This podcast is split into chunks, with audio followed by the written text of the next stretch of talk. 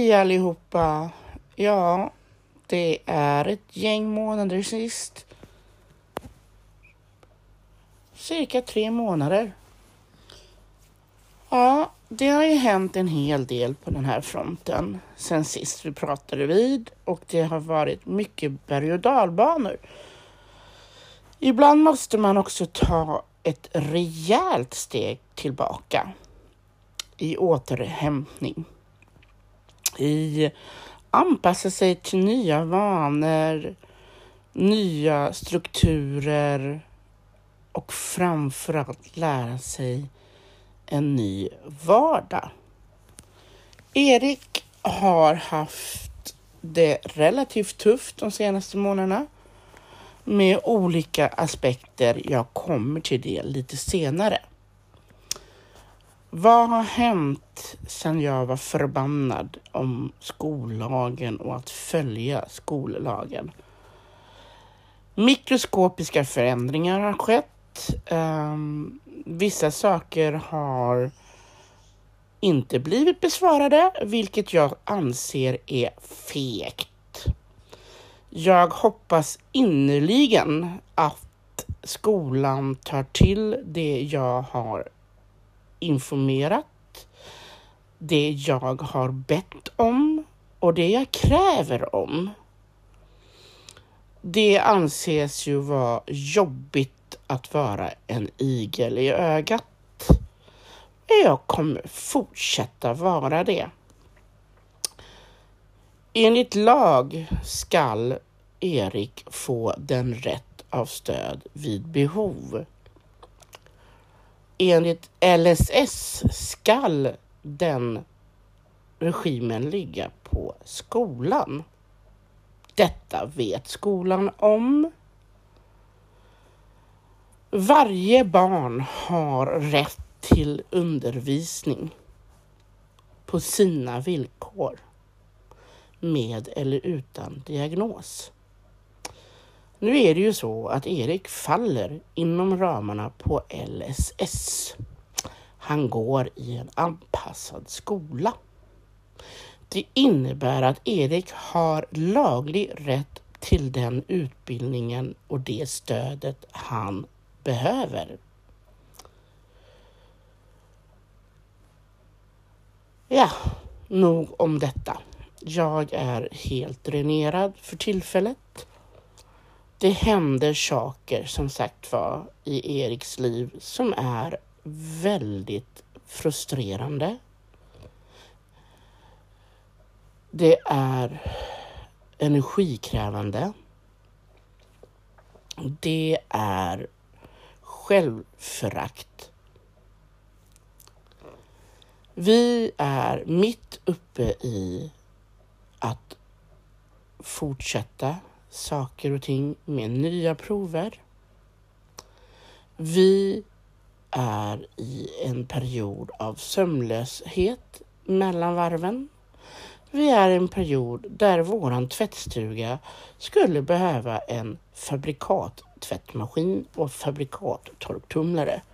För så mycket tvätt går åt per natt. Att ha epilepsi är för jävligt. Att ha epilepsi och behöva kissa ner sig när man är medveten om att det är ett misslyckande att inte vakna upp torr är förjävligt. Att ha epilepsi och vara annorlunda är förjävligt. Att se sin son ha självförakt för sin kropp, för sin hälsotillstånd. Att han mår så dåligt att han säger att han vill klippa av sig sin snopp är förjävligt och hjärtskärandes. Då kan man ju undra, hur orkar man? Hur orkar man? Natt efter natt tvätta rent, peppa, stötta, hjälpa, förklara. Hur orkar man? Man gör bara det. Det är med sorg att vi har fått höja hans dosering i epilepsimedicinen. Det är med sorg att se att han återigen mår skit. Det är med sorg att se honom vilja göra illa sig. Hur gör vi när vi bemöter detta? Detta är frustrerande, självklart. Men en kramp kan vi inte förutse. Lika lite som vi kan förutse hans impulser och hans affektutbrott. Vi bemöter det genom att säga det gör ingenting, jag tvättar. Och ibland blir ju frustrationen stor även för oss föräldrar. Särskilt för pappa med sin ADHD. Där är frustrationen mycket mer kort för mig. Ja, det slinker ut meningar som Vad fan går inte du på toan för? Eller Du måste ju gå på toan. Hur upplever Erik de kommentarerna? Kan man ju tänka till så här. Han hatar dem. Han mår sämre. Till skillnad från mig som bantar ner varje frustration i en förklaring så slänger Jens ur sig frustration utan förklaring. Och det har ju väldigt mycket med Jens ADHD och Erik autism som krockar när detta sker. Jens är en fantastisk pappa, men när han är trött, precis som alla andra med ADHD, så kan det nog brinna av en hel del dumma kommentarer. Precis som för er så gör det även det i vår familj. Och då gäller det att man sätter sig ner och förklarar och bantar ner för Erik att det är ju inte hans fel. Men nu är Erik också i den här känsliga åldern där det är pre-teenager-hormoner som sprallar runt och det spökar och stökas och det är översexualitet som börjar komma fram. Det är mycket som stör hans tänkande. Man får också tänka på att inte skuldbelägga när någonting händer, men man måste vara tydlig.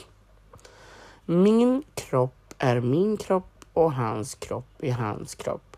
Han får inte pilla på någons kropp överhuvudtaget och någon annan får inte pilla på hans kropp överhuvudtaget.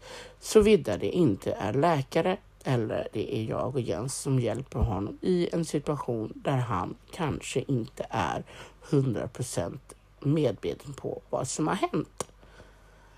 Han är så pass stor men ändå så pass liten. Och hur gör man då? då? Jo, det handlar om att lära honom att sexualitet är okej. Man får göra saker men inte inför andra. Hålla sig på sitt rum, gå in och tvätta av sig eller duscha av sig. Nu tänker många, herregud, han fyller nio. Är inte ett sånt snack för tidigt? Tro mig, sexdriften på dessa underbara hjältar kan vara väldigt stark. Så i och med att Erik har redan börjat visa tendenser till en översexualitet så är vi väldigt måna om att markera i tid vad han får göra och inte göra. Det viktigaste vi har att lära ut är att han får på inga omständigheter pilla på någon annans kropp. Och någon annan får absolut inte pilla på hans kropp om det inte är en läkare eller att det är jag och Jens om det har hänt en episod här hemma där han har fått kramper, där vi måste hjälpa honom och kanske duscha av honom eller någonting annat som gör att man kommer i den regionen där han tycker att det är jobbigt i och med en situation vid kramp. All annan hygien sköter Erik superduktigt. Han är noga med att duscha. Han är noga att hålla sig ren. Däremot har han noll kontroll över sina svettkörtlar, så han svettas ju extremt mycket. Och det har blivit påpekat på ett kränkande sätt inför honom. Och det kan jag ju säga när man är anställd i en klass med barn med särskilda behov så ska man kanske inte nämna det inför barnen att barnen svettas och luktar illa. För dessa elever kan må skit över en sån kommentar. Det har hänt tre gånger och jag tänker se till att det aldrig upprepas igen. För Erik har kommit hem gråtandes och säger att den och den säger att han luktar illa. Jag återigen säger att dessa barn kommer lätt in i pre-teenager hormonellt så det är inte hans fel att hans körtlar avsänder en svettdoft utav dess like. Vi gör allt för att hjälpa honom. Vi har till och med skickat med deodorant. Sen vet inte jag vad skolan gör sig av med den. Man kan hjälpa Erik genom att vara diskret. Men ta det för guds skull inte inför honom. Eh, vi tampas med de här problemen här hemma också. Men vi gör inte en big deal av det. Vi låter honom duscha och sen så ställer man bara fram deodoranten och så tar han den. Det är inget konstigt. Eh, jag ska kolla så att han alltid har sin deodorant med sig i väskan, för den saknas. Antingen så är den slut eller så är den kvarglömd i skolan någonstans och har fått fötter. Eh, man får också tänka på att när man kommer in i förtidspuberteten att den här översexuella driften är ju någonting som inte riktigt han kan syra.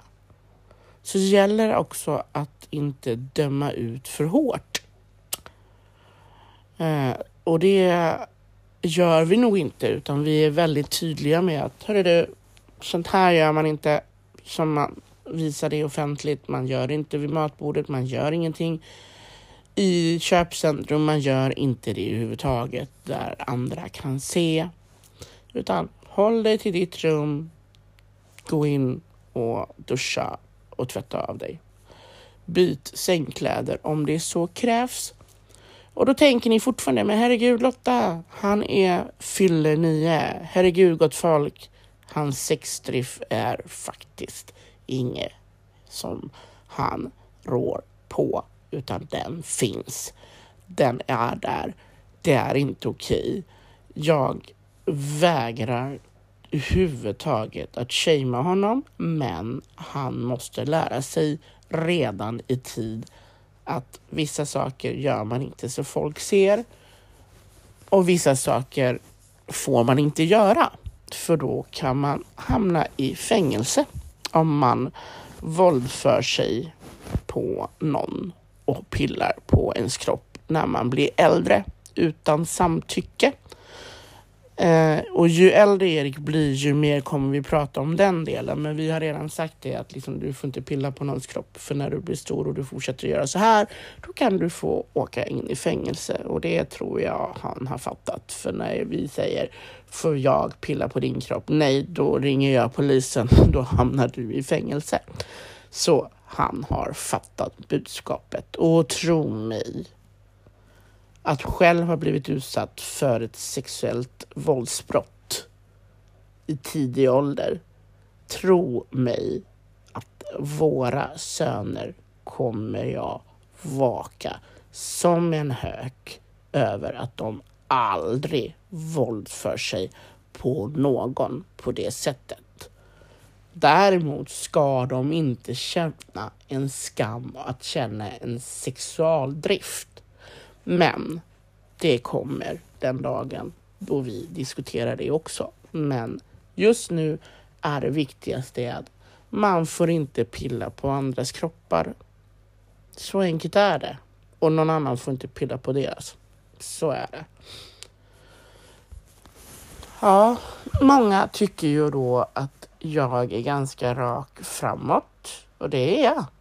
Jag gör det inte för att jag tycker att det är otroligt roligt och rogivande, utan jag gör det för att jag måste. Alla familjer har sina sätt att hantera saker. Det är så här vi hanterar vår sak. Som jag sa, det finns många aspekter som Erik har mått dåligt utav. Det här är en sak. Han hänger inte med vad som händer i hans kropp och vilken jävla unge gör det när man sätter igång i förtidspubertet och pubertet. Hormoner som sprätter, saker som händer, saker som gör en ledsen, saker som gör en glad, upp och ner, humöret svänger. Det gör ju också att vissa saker leder till att han nu då har ökat att kissa ner sig igen. Och vi har då fått höja hans eh, epilepsimedicin. Och det visade sig tydligt efter första natten som vi höjde och han fick kissmedicinen. Då hade han inte kissat ner sig. Inte dag två heller, eller natt två. Däremot så är det någon form av rubbning, störning som gör att han får någon form av kramp innan han vaknar. Inte endast sängväta. För sängvätning och, och minerinet, då skulle minerinet bita. Men i och med att han kissar ner sig så pass kraftigt som han gör och Snickers då har markerat otroligt mycket och vi har sett att han inte krampar i en spasmisk kramp utan han blir stel innan han vaknar till eller vaknar ur det, den krampen han får så vet vi att det är en epileptisk anfall han får någonstans mellan tre och halv sex på morgonen så sker det och oftast då eh, är det som Snicker varnar. Så vi har haft lite stökigt och bökigt några så här härliga veckor av lite jobbig sömnproblematik och krampproblematik. Det vi också märker är att Erik mår sämre av att gå till skolan på det sättet att han yttrar sig. Um, när han kommer hem så har han varit full i fan, mår dåligt och klagar på sitt huvud. Och sen vet vi att han har suttit och dragit sig undan utan att personal har uppmärksammat det. Därav mitt omdöme av att kunna registrera att då har han haft en kramp. Och det stärker även läkarna med att har han betett sig på det här sättet då har han definitivt haft bortfallskramper. Och det här är någonting jag har påpekat till skolan. Och det är det här jag ifrågasätter skolan. Kompetensen och kunskapen om bortfallskramper. Att bli mött av personalens nonchalitet, och tysthetskultur när det gäller epilepsikramper där jag har levt med det dygnet runt i över fyra års tid när han haft sina spasmiska kramper även dagtid och väldigt mycket bortfallskramper däremellan. Att inte bemöta mig med ett svar ger mig bara varningsflaggor. Så istället för att skita i och besvara oss, säg det är okej. Du behöver inte oroa dig. Vi har koll. Det är det enda man kan, behöver säga. Men i och med att man inte får något jävla svar så gör det att vi inte hundraprocentigt litar på att personalen har koll. Och dessutom få förstärkning i att han har gått iväg, satt sig i soffan och det ser ut som att han typ vilar. det är inte kanske så att han går och vilar utan det är att han sätter sig självmant för att han känner av en kramp. Erik vet när han får kramper och han kan oftast dra sig undan till sin säng eller en soffa för att då vet han att han inte gör illa sig. Det här är någonting vi har levt med sedan han var fyra år. Han har kunnat hantera sina kramper när det är bortfallskramper genom att säga konstigt huvud, ont. Och så går han och lägger sig i soffan eller i sitt rum i sängen. Och så har hans kramp kommit. Eller när man sitter bredvid honom och han säger konstigt och så bara rasar han ihop bara några sekunder för att sen komma tillbaks. Ibland har han bortfallskramperna där han bara stirrar rakt ut men han ger ingen respons och de varar lite mer än några sekunder, oftast upp till 30 sekunder till en och en halv minut. Och de kramperna borde vara synliga i skolan anser vi och det anser läkarna också. Så därav att jag ifrågasätter kompetensen och kunskapen. Det är inte svårt. Har man inte tid och koll på en unge, då får man fan se till att fixa att han har en assistent. Så enkelt är det. Ur epilepsisynpunkt och även ur matintag och vätskeintag. Erik är en vessla här hemma och kan smyga till sig och att sitta och ljuga mig rakt upp i ansiktet att ah, men i våran, det han, för han har mycket att välja på, vi har liksom bla bla bla. Och sen säger samma sekund senare, ah, men alltså vi har ju kanske inte har jättekoll. Alltså ibland så måste vi, det är hoabaloa med den och så då där, och då, då har man inte koll. Nej men har man inte koll på någon som man som förälder säger, ni måste ha koll bortfallskramper och ni måste strypa extra portioner. Ge barn portion. Han får inte äta mer, han får inte dricka mer än vatten. Ge honom inte juice, ge honom inte mjölk. Så enkelt är det. Ljug inte rakt upp i ansiktet när jag vet, för jag har vittnen som ser honom. Det finns många som kan säga till mig och Jens vad Erik gör och inte gör i skolan. Det behöver inte vara klasskamrater. Det kan vara parallellklasskamrater. Det kan vara hans gamla kompisar i hans gamla klass. Det kan vara andra som säger det. Det behöver inte vara de i klassen. Har ni någonsin tänkt på det? Tänker man fint när man blir förbannad på skolan. När de anklagar vissa av personalen som inte ens har yttrat sig överhuvudtaget. Så nej, tänk lite längre än näsan räcker. Det finns fler än de ni misstänker som kan ge informationen om hur Erik mår och vad han gör för dumheter. Väldigt enkelt. För det är så här, alla som känner oss vet hur vi har för regler. De vet när vi har varit borta när man blir bortbjuden att Erik får inte äta mer än det som vi tillåter honom. Det är väldigt enkelt att följa. Han har vant sig att vi säger nej. Det funkar jättebra överallt. Han är inte utanför, även om det kan kännas utanför för många när man nekar honom i andras ögons aspekter. Att man säger nej, det räcker med en portion. Nej, men han är ju hungrig, låt honom äta. Nej, men alltså vadå, kan inte han få äta kaka eller glass eller ditt och datten? Nej, för är det så att han får saker ganska mycket under veckans gång i skolan. Han får med på hemkunskap och baka. Det är tråkigt väder. Ja, men vi slänger ihop muffins, vi slänger ihop en kladdkaka. Vi bakar lite matbröd. Då är det så här.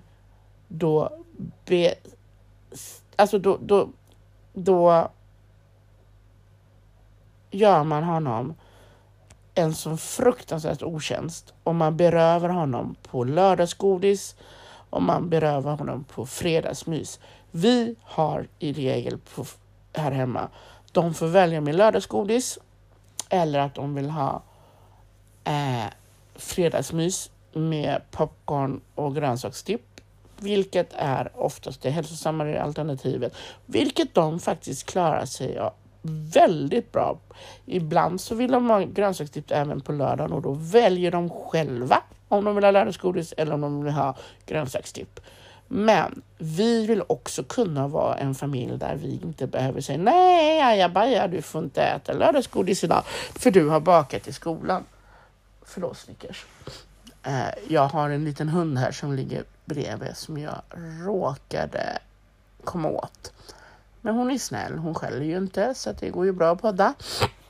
Nej men alltså man vill ju vara en familj, man vill ju liksom kunna ge sina barn det här lilla extra även vi. Va? Men är det så att han har haft hemkunskap och det, man märker att den här veckan är skitväder, vad ska vi göra? Men vi kan baka, vi kan göra muffins, vi kan göra bröd, vi kan göra chokladbollar, vi kan göra Även om man tycker så här, wow, vi gör smoothies, vi gör milkshake på dadlar och bananer. Nej men alltså det blir ju ändå ett fruktsocker och det blir ändå eh, intaget av det han ska ha i sig måste vi ha väldigt mycket strikt kontroll på för att det inte ska hända saker i hans viktkurva.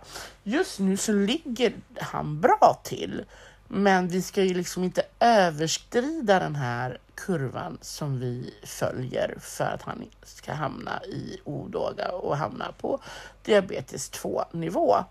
Eh, vilket det är ju därför vi är under luppen på Barnrikscentrum för barnobist och barndiabetes.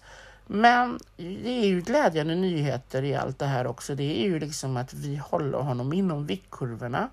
Vi håller honom på bra grejer. Det enda vi måste vara hårda mot är extremt hårda med och det är någonting jag vet skolan själv har erkänt att de kan inte ha koll på allt han gör.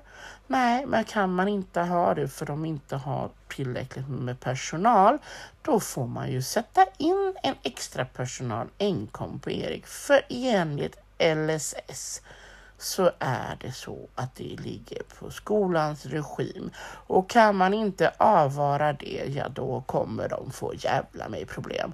För enheten vill ha in så att det kanske är någon under en period så att man vänjer Erik ännu mera i rätt riktning.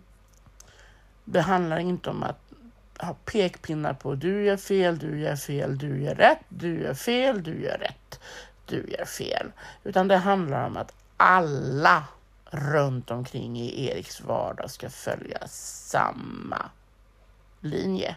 Och det gör det inte i skolan. Så jag tycker det är jävligt duktigt. Hatten av för att ljuga saker och ting rakt upp i ansiktet på oss när vi får höra motsatsen efteråt. Och dessutom så eh, Erik är ganska duktig på att berätta vad som händer i skolan och det gör ju även de. de. Ni får tänka på att Lillebror finns i skolan och ser också. Och han har koll. Så att att uh, säga att ja men herregud, du var inte där, du vet ju hur Erik är, han kan ju ljuga lite. Bullshit. Det är ett sätt för att rädda sitt eget skinn.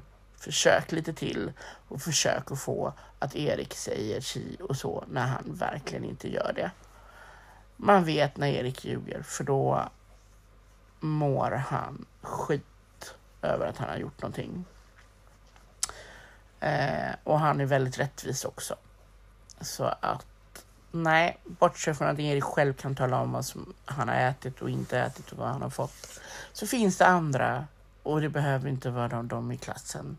Det finns många runt omkring er som talar om vad som sker i skolan. Så uh, kom igen, sluta ljuga oss rakt upp i ansiktet. Uh, ge honom istället det vi har bett om. Ge honom en resurs. Om det bara så är för ett par månader och kanske en par månader nu till höstterminen. Ge honom en egen resurs som är med honom, har koll på att han inte fuskar med att gå och hämta extra macka, extra mycket drickbart som innehåller mjölk eller frukt måltidsdryck. Utan det ska vara vatten i skolan. Så enkelt är det. det är liksom, kan man inte ha liksom det, har man inte koll på Erik på det sättet, då har man ju liksom lite så här att tänka till på. Va? Anser vi. Men ja, ja. Vi får väl se. Uh, jag är i alla fall trött på hur skolan bemöter våra frågor och hur de tror att vi är dumma i huvudet.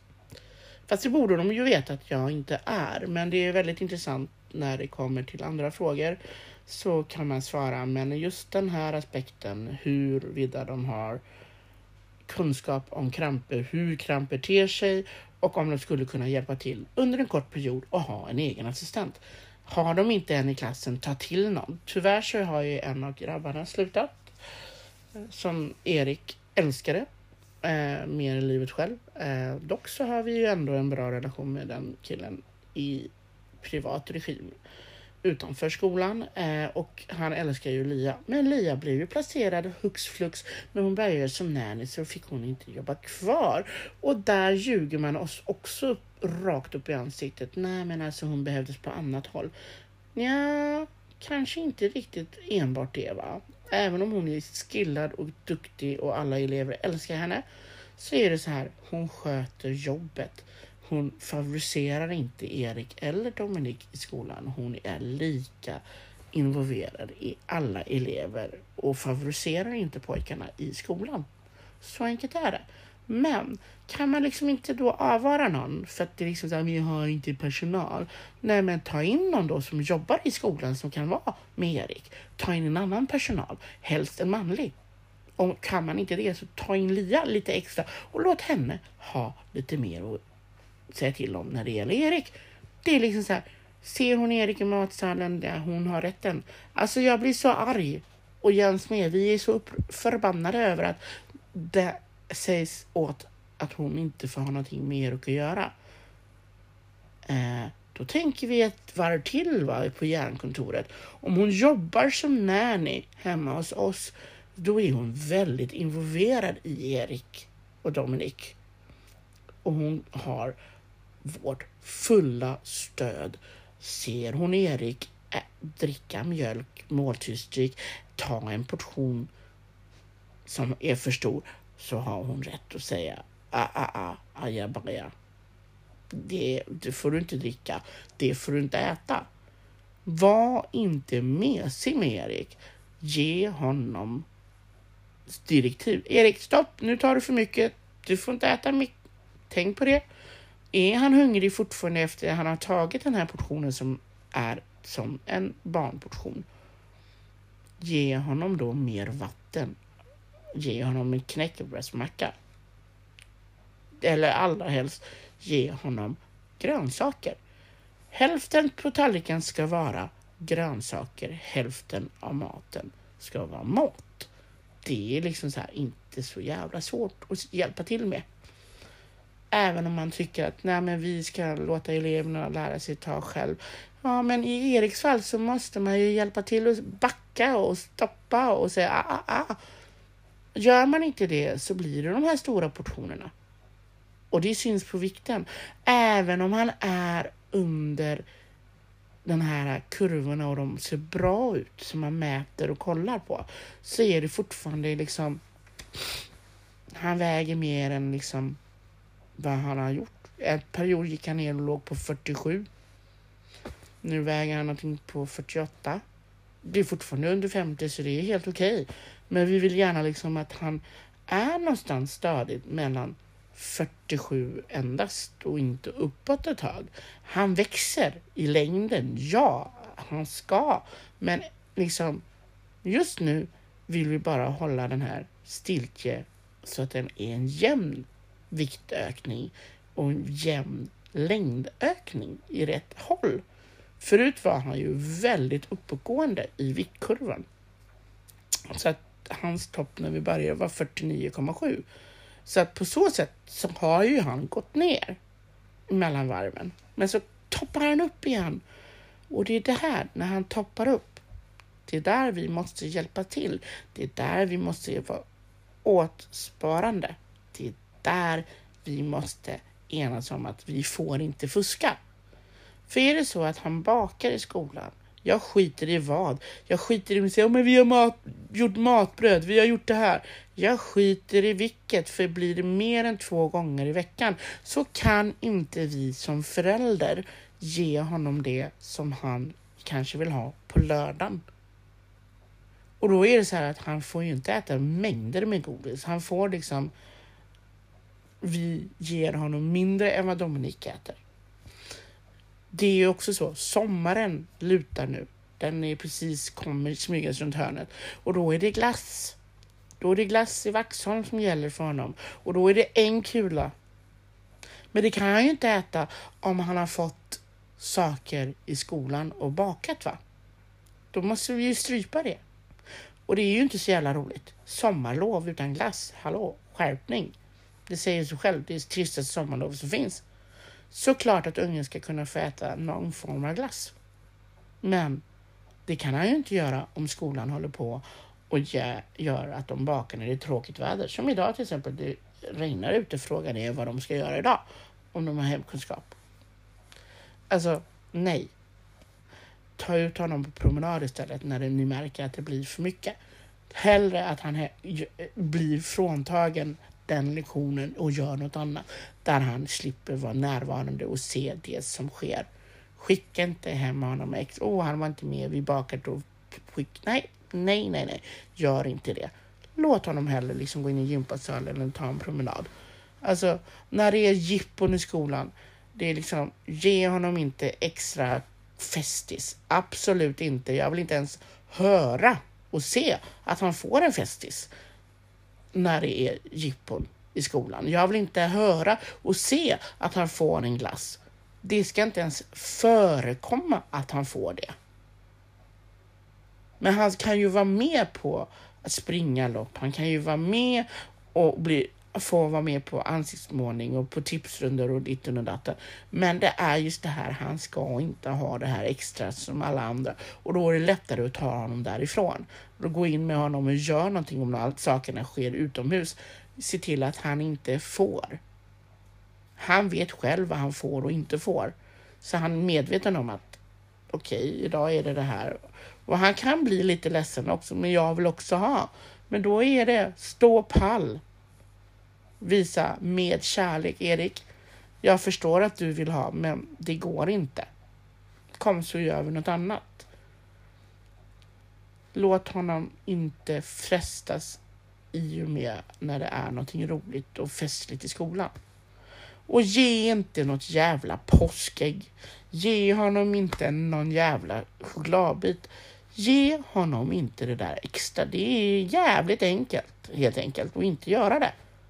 Men såklart att det ska vara lika, det fattar jag också. Och det gör Jens med. Men i längden och långsiktigt så är det inte okej för hans hälsa om man ger det här.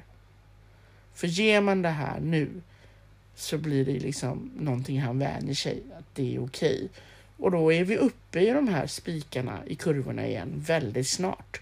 Så att nej, nej och åter nej. Det handlar inte om att vara en bitch mot skolan. Det handlar om att min sons hälsa går före alla. Ja, men såklart att han måste ha, men herregud, mamma och pappa ser inte. Äh, ta den där. Nej, men det där är det. Det syns på vågen, hörni. Tänk er för. Även om han nu är inom kurvorna så är det så att det är en viktuppgång. Så tänk på det. Vågen ljuger inte. Men för kännedom, de är under kurvorna. Men det är fortfarande att vi vill inte ha honom mot 50. Så enkelt är det. Ja, nej, det är mycket som händer som sagt var, som ni säkert förstår. Och det är mycket bollar i luften på att rodda. Det är mycket saker vi måste göra. Och lämna blodprov är ju inte det enklaste för han blir som Hulken och där failar jag som mamma med min EDS-lina. Det är pappa som måste åka in och göra det. Eh, och det ska lämnas kissprov och det ska göra. Vi ska också mäta hans kramper, hans EGG ska göras och det är alltså elektroner på huvudet som mäter och ser hur hans epilepsi och hans kramper kan te sig. Så det är ett helvetesperiod framför oss och jag vill ödmjukast be om förståelse för att det är jobbigt. Och är det någon som vill göra någonting för familjen och ni känner helvetes, finns det någonting vi kan göra? Svar ja.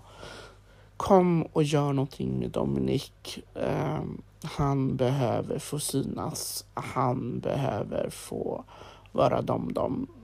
Kom och ta Snickers promenad. Det uppskattas också. Um, men nu en tid framöver, fram till juni ungefär, så kommer det vara väldigt mycket utredning med Erik. Och som sagt var, vill man och känner att man, ja men herregud, finns det någonting vi kan göra? Ja, gör någonting med dem. De, ta Snickers på promenad.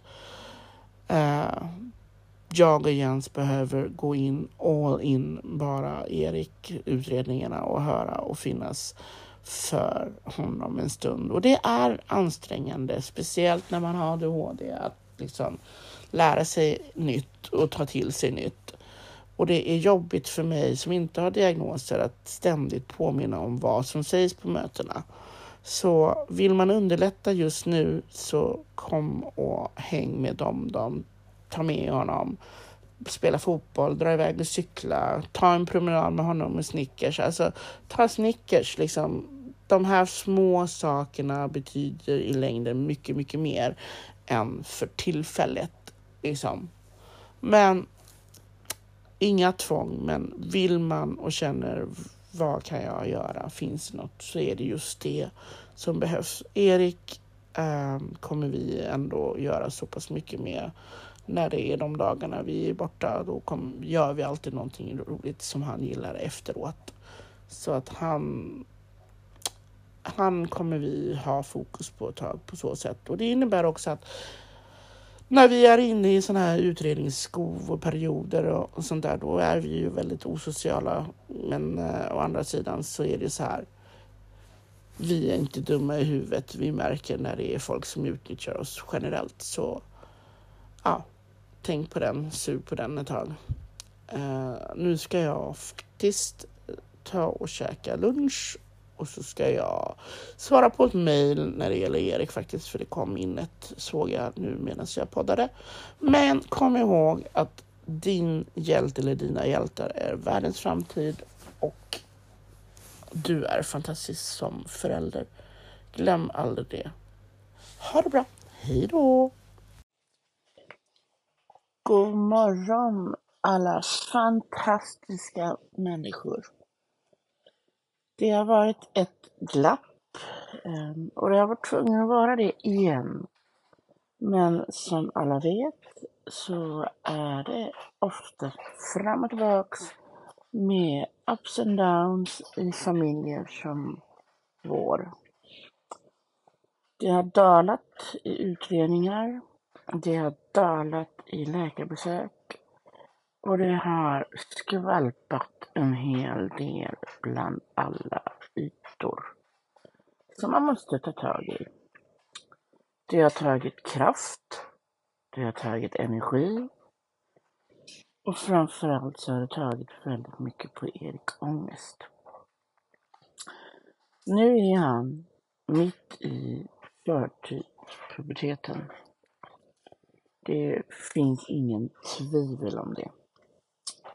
Det är enorma många diskussioner om medicinering.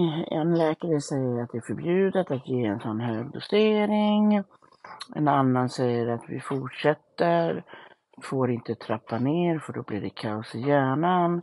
Vilket också intygas av flera. Varpå, vad tror ni vi gör? Såklart, vi lyssnar på vad de säger som har haft med oss att göra i många års tid. Denna läkare som påstod att eh, det är bara att sluta har jag självmant eh, gjort en anmälan till patientnämnden. Eh, det har varit turbulens rejält, eh, för hon tyckte inte att hon har begått någonting som är felaktigt. Eh, och jag tänker inte gå in på hur och varför. Men jag kan ju säga att eh, hon har blivit uppläxad eh, rejält. Eh, och jag eh, har eh, världens stöd i andra läkare och är trygg i det. Eh, det som är jobbigt är ju då att Erik har ju då många kissolyckor. Eh, men eh, vi har också väldigt mycket självskadebeteende. Även väldigt kraftfulla affektutbrott mot oss i familjen. Inte mot någon annan, utan i familjen. Så på så sätt ser jag inte i helhet att Erik eh, kommer må dåligt utåt sett. Inte än, men det kommer väl. Ehm, det är knivar som han får tag i, det är saxar han får tag i. Det är impulser att hugga, klippa, slänga. Ja, ni förstår säkert bilden och så tänker ni, hur kan du podda om det här?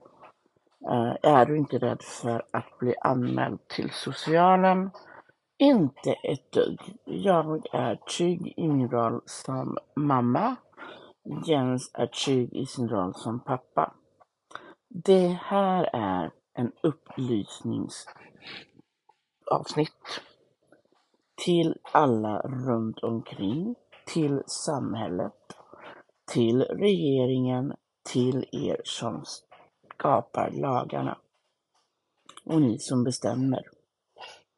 Ni bör titta i helhet på individerna. Titta på familjerna. Se, hör, lyssna, ta till er. För det spelar ingen roll hur ni mäter i statistiken. Det spelar ingen roll om ni har saker i siffror. Det spelar ingen roll för att man ska vara en i gänget den dagen en av våra hjältar har tagit sitt liv. Då tänker ni, vad har det här med Erik att göra? Jag kan säga, det här har allt med Erik att göra. Han har en dödsångest. Han säger att han vill dö när han är tio. Han har precis fyllt nio år. Och han säger att han ska dö när han är tio. Han har haft den här dödsångesten och han har tenderat att visa att han menar nog lite allvar. Vi har pratat med honom. Vi har pratat med teamen runt omkring oss. Vi gör allt enligt alla konstens regler för att Erik ska må bra. Och att folk runt omkring i kommun, i samhälle, i grannskap, i skola, i läkarbesök då helt plötsligt har åsikter och tycker att vi borde kanske söka den här hjälpen eller vi bör kanske låta honom kanske bo på kortis. Mm, men vad hjälper det Erik om vi gör det? Skulle han verkligen må bra? Skulle han överhuvudtaget ta till sig att vara på kortis och vara boende i mellanvarven på ett korttidshem? Ärligt talat, det tror inte varken jag eller Jens. Han skulle nog tycka det var chill att hänga med sina kompisar. Men saken är, det spelar ju ingen roll vart än Erik är. För han har ju det här i sig. Han mår mellan varven dåligt. Han mår skit. Han yttrar sig på saker som är farligt. Han gör saker som är farliga impulser. Han får direkt ångest när han kommer på sig själv att det här är fel. Han gråter. Han skriker. Och han skriker, jag vill dö. Till alla er som hör Erik skrika och ha sig. Tro inte att vi inte har koll, för det har vi. Var lite mer så här. Oj, idag är det en sån dag. Kanske vi ska försöka avleda genom att säga Hej Erik, vill du komma och hänga med oss? Eller bara säg ett par vänliga ord till oss föräldrar. Man blir dränerad. Man blir orolig. Man känner sig som den sämsta mamman och sämsta pappan för att ungen mår som han mår.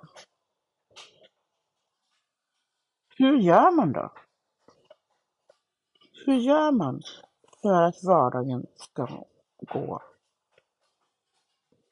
Man duckar, man parerar, man tjafsar, man bråkar, man skriker, man gråter, man skrattar, man busar, man säger ifrån, man säger nej, man säger nej, man säger nej och nej och man säger det där är fula ord, sluta, så säger man inte, det där är farligt, det där är inte okej. Okay.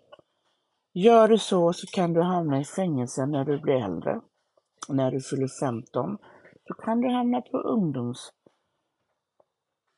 Eh, på LVU, helt enkelt. Man förklarar och så tänker ni stopp nu Lotta.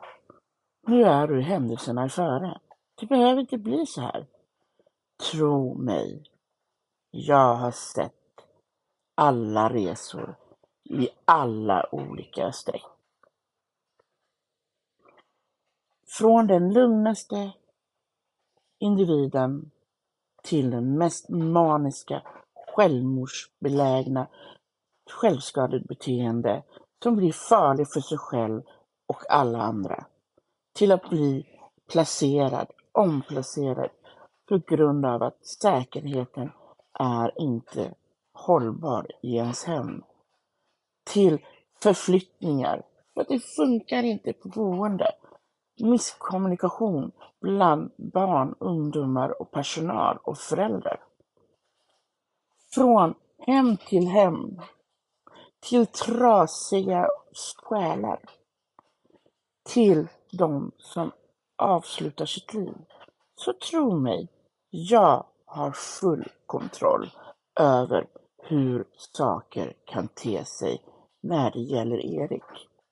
Och fångar vi inte upp det här nu, och då menar jag nu, får vi inte det stödet, den hjälpen runt omkring samhället, så kan det gå åt helvete för Erik. För tro mig, jag med min EDS har mina skor. just nu efter Greklandsresan är jag lite mörbultad och det innebär att jag har inte full styrka. Så när Erik får sina infektutbrott, då krackelerar min kropp och jag måste återhämta mig och jag måste gapa och skrika utåt sett tycker ju alla. Fy fan, nu är den där jävla ragatan hemma igen. Hon skriker, hon hörs över hela gatan. Stackars barn! Snälla samtliga i samhället runt omkring oss. Alla ni som har noll kontroll och förståelse. Om det är någon som kanske har lite förståelse, berätta då för dem som har noll förståelse att vi har kontroll.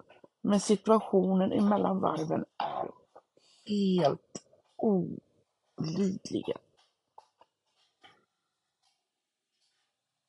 Vi gör allt. Vi är vakna nätter. Vi parerar kramper. Vi talar om vad som är rätt och fel. Vi kan inte göra mer. Att vi gapar och skriker på våra ungar, speciellt Erik, är ju för att han får sina impulser. Men om samhället då tycker att vi gapar och skriker och inte gör ett jävla skit, hur tror ni det skulle se ut om vi verkligen gav fan i det här? Skulle vi vara bättre föräldrar då eller? Nej, det skulle vi inte. Vi skulle ju bli anmälda direkt till socialen för att vi vanvårdar våra barn. att vi inte bryr oss. Att han går bananas. Att han skriker, han slåss, han sparkas. Det gör lillebror också. Och vet ni, alla ni runt omkring oss, samhälle, kommun, mottagningar, så här är det ju. Syskon bråkar. Vissa fightas mer eller mindre dagligen. Så man funderar på, hoa. Pojkar är pojkar. Så har det alltid varit. Men att ha en bror med autism där förtidspubertetens typ hormoner slår runt i hjärnan är inte lätt. Dominic får gå in all in för att kunna försvara sig själv mellan varven. För Erik är mer än råstark. Vi har försökt att ta blodprov, har misslyckats. Vi har gett lugnande högre doser för att kunna ens försöka låta honom bli stucken för att få blod. Har icke funkat. Han blir rena monsterhulken. Så alla prover som måste in kommer vi få göra senare. Vi kommer få börja om med lekterapi, samtal ännu mera med neuro och ha koll på hans kramper.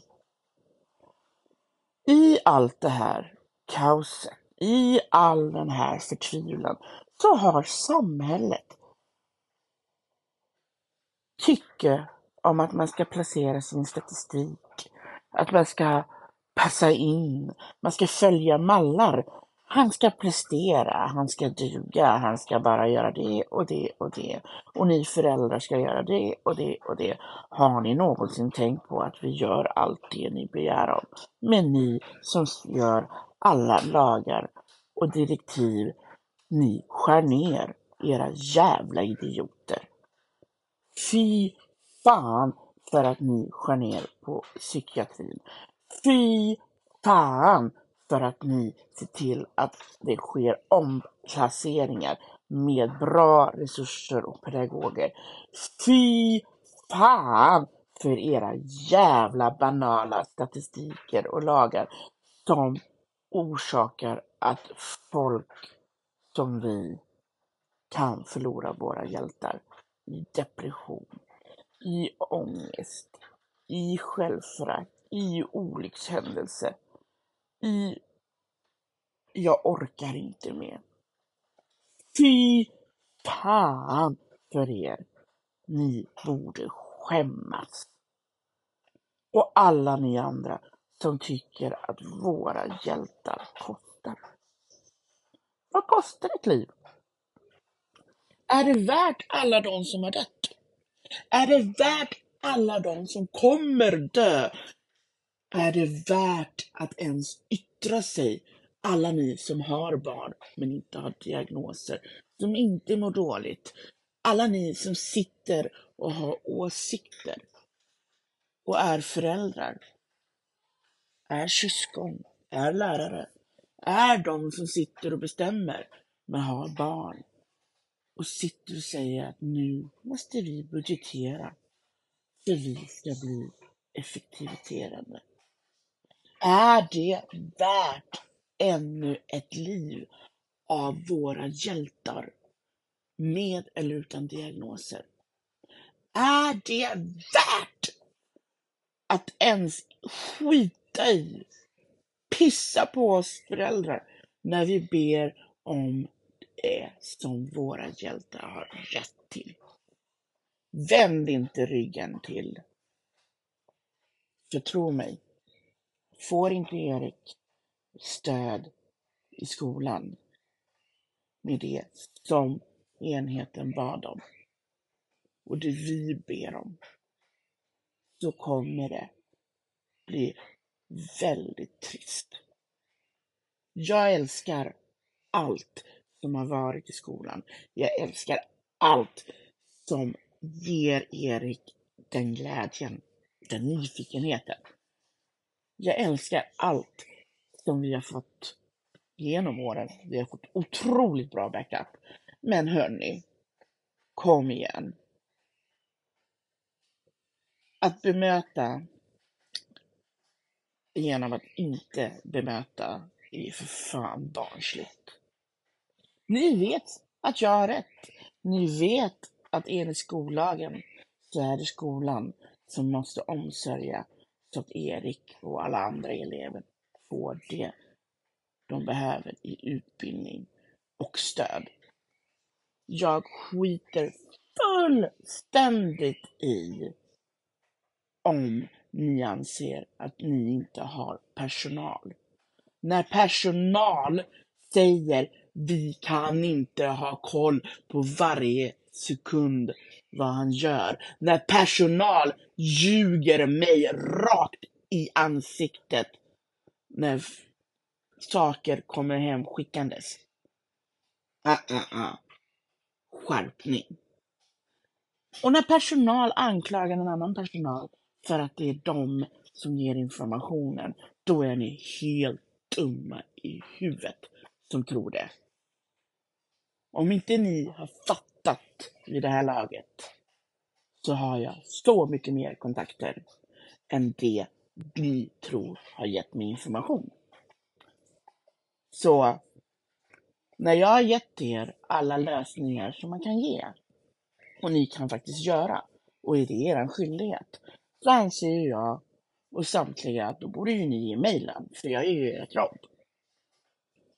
Enligt skollagen så ska man kunna då tillgodose elevernas utbildningssyfte och lugn och ro. Men att man skär ner och man tar bort folk som är en rutin, en trygghet och en säkerhet för alla. Mindblowing. Det finns så många saker som skolor. Skolor, jag säger inte skolan, jag säger skolor bör titta sig om. Istället för slakta, istället för omplacera personal som barn och elever älskar. Gå till kärnan till vad är problemet? En del är utbildade till max. Absolut. Men bara för att man är utbildad på papper så innebär det inte alltid att det funkar i praktiken. Men på något sätt, majoriteten av alla skolor som gör den här tysthetskulturen säger ofta vi har gedigen utbildad personal. Ja, men den personalen stinker i attityden mot eleverna, mot personalen som säger till, som känner eleven eller mot oss föräldrar. Hmm, vill man ha en bra ledning i en skola så ger det så att ledningen ska gå in och kunna bemöta kritik, positiv eller negativ. Jag är inte omöjlig som mamma, men jag blir en bitch när det inte följs enligt lagarna. Och jag skiter i om det är Erik det handlar om, eller Dominik. Jag blir vansinnig. Jag ser rätt och det har jag gjort länge. Innan jag ens fick mina egna barn har jag kämpat för det här. Jag har varit med familjer där det är trasigheter, där skolan inte samarbetar på det sättet där de ska, där eleverna mår dåligt, har magen ont för att gå upp, där föräldrarna, ibland är faktiskt singelföräldrar, kämpar med sina barn för att de ska kunna gå till skolan, för att det är jobbigt, de blir retade, de blir mobbade, de har diagnoser, de blir missförstådda, de blir inte hörda. Och så kör personalen och ledningar över dessa föräldrar och säger att nej, men vi har gjort allting tyvärr, nej, de anpassar sig inte. Nej, det är svårt, nej, men vi gör ingenting. Vi har inte missat någonting, vi har inte gjort si eller så. Och så vet man att eleverna har kommit hem och mått skit. Saker har hänt, vissa har inte märkt att kramperna sker, vissa har inte ens brytt sig att eleverna behöver gå på toa, det har skett olyckor. Nej, nej, nej. Kärnan i allting som heter nedskärningar är idiotik. Ni måste hitta bättre lösningar än att skära ner på skolorna och på eleverna. Det går inte. Det här är våra framtid ni håller på med. Ni slaktar era egna barn och ni som sitter och bestämmer och styr. Ni har ju ordnat så att ni tycker att det är supernyttigt. Vi har placerat våra egna barn i andra kommuner, i andra bättre, snobbiga skolor. Men hörni, wake up, wake up. Det är inte alltid de skolorna som är bäst. För tittar man på droghandeln så finns det extremt mycket droger i var och varannan kommun. Men där snufsiga politiker placerar sina barn, det härjar drogerna lite mera. Men man har skyddslapparna på och säger åh gud vad trevlig skolan är och de är så duktiga och de har så fint rykte. Mhm, aha, nej. Fuck off. Droger finns överallt, men ju finare desto bättre, ju bättre kvalitet, försäljning, ju mer kan man märka vad drogförsäljningen sker. Hmm, tänk lite på det kanske. Jävla idioter. Droger kommer alltid finnas tillgängliga till alla barn. Och sitt inte och ha de här fördomarna där våra barn med diagnoser ja, fastnar lätt. Mm. Ja, kanske lite, men ändå inte. För det finns de som fastnar för drogerna, även de som inte har diagnoser. Så döm inte diagnoserade barn och ungdomar. Titta på vad ni har för umgänge runt omkring er och sluta ha huvudet i sanden, ni som bestämmer. Kom igen! Psykiatrin behövs. Självmorden kommer finnas kvar om inte ni ser till att öppna upp lite mera. Självmorden kommer inte sluta helt, men vi kan förhindra med hjälp av att mottagningar hålls öppna, att personalen på dessa enheter blir hörda, sedda, lyft upp. Kicka ut dessa svin som har Ja, men jag har en betydligt bra utbildning, jag har utbildat mig, men har en kass attityd. Var cheferna som vågar säga ifrån till sin personal. Du, det är jättebra, du har skitbra utbildning, men nu har du jobbat här och det har kommit in klagomål. Så tyvärr, du blir omplacerad, du får gå. Kom igen! Var mer kurage. Våga säg ifrån till urusel personal som säger både ditten och datten och ljuger föräldrar upp i ansiktena, skiter högaktningsfullt i när det är direktiv från föräldrarna att man måste vara lyhörda. Nej, men det finns ju de rötäggen som skiter i sig. Nej, men så farligt kan det ju inte vara. Nej, men så märker vi inte. Nej, för ni sitter med telefonerna. Ni skiter i att vissa kämpar och var rastvakter helt själv på skolorna när det är flera hundra elever. En till två personal kan inte ha hand om en hel skola som är på rast. Det behövs mera. Kom igen. Det här vet ni. Ni vet innerst inne att vi har rätt. Men nej, men då ska man ju prestera. Och man vill ju inte vara någon annan illa till lag. För då kan man ju bli av med sin lön som är lite högre än de andra. Men ska det verkligen vara så? Ska det verkligen vara så, era jävla politiker och alla ni som bestämmer? Är ni dumma i huvudet? Lyft upp de som är på golvet som ser allting som sker. Höj deras löner. Lyssna på personalen. Snälla, sluta slakta den personal som behövs. Där eleverna och vissa kollegor älskar. Kom igen. Hela jävla Sverige. Regeringen, ledningar i skolor. Skärp er för i helvete. Det är inte vi som är boven i dramat. Det är vi som föräldrar, det är vi som Se våra hjältar må dåligt. Det är vi som går sönder. Ni sitter bara där och bockar av på era jävla möten. Statistik hit och dit och där, där bla, protokoll dit och bla, bla, bla.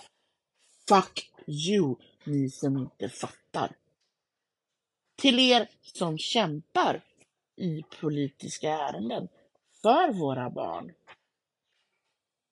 Jag tar hatten av och böjer mig och säger tack. Men en sak kan jag jävligt klart för er. Lyckas Erik ta livet av sig på grund av att han inte får det stödet. Han får inte den bekräftelsen som han behöver. Får han inte det livet han förtjänar, då vill inte jag vara ni som missar att han får kramper i skolan. Jag vill inte vara ni som sitter och säger att den ungen är bara jobbig. Ja, men just det, han har diagnoser. Jag vill inte vara den som orsakar det Erik har hört som gör att han inte orkar med. För oavsett vad ni än säger, att han inte är medveten på vad som sägs och sker. Han är i sin egen värld. Tro mig. Tro mig. Han är så medveten. Nu när vi var i Grekland till exempel fick vi bevis på hur medveten han är. Han har stenkoll på läget. Han vet exakt vad som sägs. Han vet exakt hur han mår. Så kom för fan aldrig och säg att han inte förstår. Och till alla er i närområdet, er som är grannar, ni som är i skolan, ni som är på fritids, alla ni som är i hans läkarutredningar. Snälla, hjälp oss hjälpa Erik. Hjälp oss att få det stödet en kort period där han får ha någon som hjälper honom att inte hetsäta, inte ta extra portioner. Att ta ut honom istället för att ha honom på hemkunskaperna. Om det bakas för mycket för det är dåligt väder, jag förstår. Men ta en promenad, låt honom gå till gympasalen. Han mår inte dåligt av att inte få vara med. Det är helt okej. Okay. Jag lovar. Men hjälp mig att finnas till och hjälpa Erik. Och gör det ni ska enligt lag. Snälla, oavsett om ni är skolans personal eller fritidspersonalen eller läkare. Gör ert jobb. I läkarsyfte, läs hans journaler tack. Det vore trevligt. Kom inte gå emot flera års tid samarbete och säger att han ska sluta abrupt med en medicin som kan orsaka ännu mer bieffekter och symptomer i hans hjärna som gör att han ballar ur helt och käpprätt åt fel håll. Kom inte med sådana jävla skamliga förslag utan att ha läst journaler.